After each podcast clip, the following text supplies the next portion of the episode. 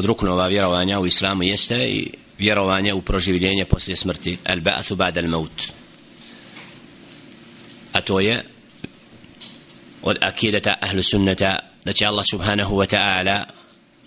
čovjeka nakon što bude usmrćen proživjeti. Znači da postoji onaj svijet i obračun u kome će Đelle še'nuhu nagrađivati one koji su vjerovali u ovom prolaznom svijetu koji će uvesti u džennet džan Allahu i jakum minhum. Da nas Allah subhanahu wa ta'ala učini o takvi a isto vremen će Allah subhanahu wa ta'ala isto tako da će Allah subhanahu wa ta'ala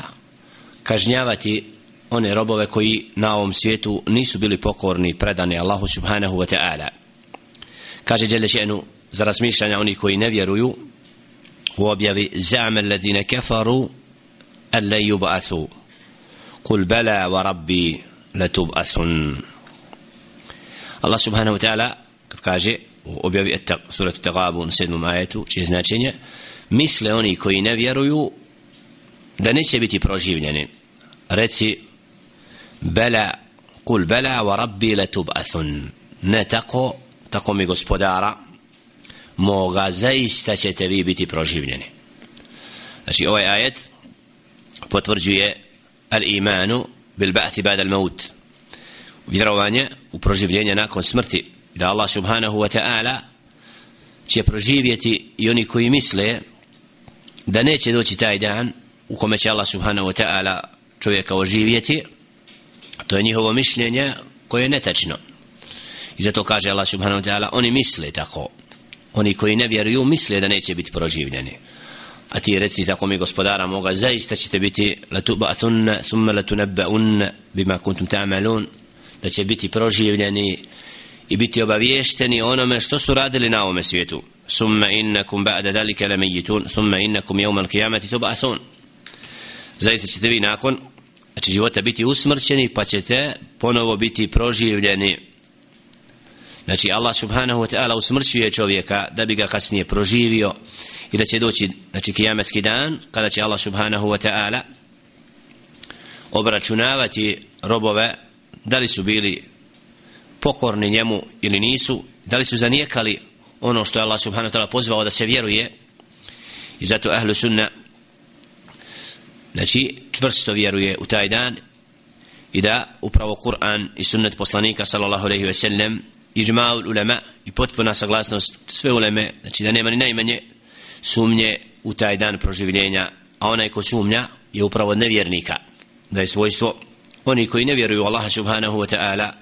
da su nepokorni Allahu subhanahu wa ta'ala i misle da nikada neće doći dan kada će zbog svojih dijela biti čovjek nagrađen odnosno kažnjen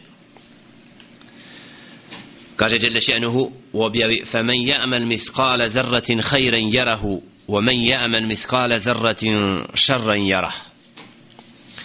da će svako ko bude radio i najmanje dobra to vidjeti a istovremeno ko bude radio i trun zla vidjeti znači sva ta djela su upisana i sve što čovjek čini od hajra i od dobra naći će na sudnjem danu Nam. Kaže Đele Še'nuhu upravo kao kritiku onima koji nisu priznali proživljenje posle smrti da će doći taj dan u koji, o kojim oni nisu razmišljali لقد كنت في غفلة من هذا في سورة قاف 22. آية kaže جل شأنه za one koji nisu marili za taj dan koji se nisu pripremali i vjerovali da će Allah subhanahu wa ta'ala proživjeti kaže laqad kunta fi ghaflatin min hada zaista si bio nemaran prema ovome znači kada Allah subhanahu wa ta'ala otkrije tajne, kada dođe da se obistini Allahovo obećanje فَكَشَفْنَا أَنْكَ غِتَاءَكَ فَبَسَرُكَ lijevma hadid. A taj prekrivač i zastor koji si imao, sad ti je otkriven i tvoj će ukočen pogled danas biti. Znači čovjek, kad vidi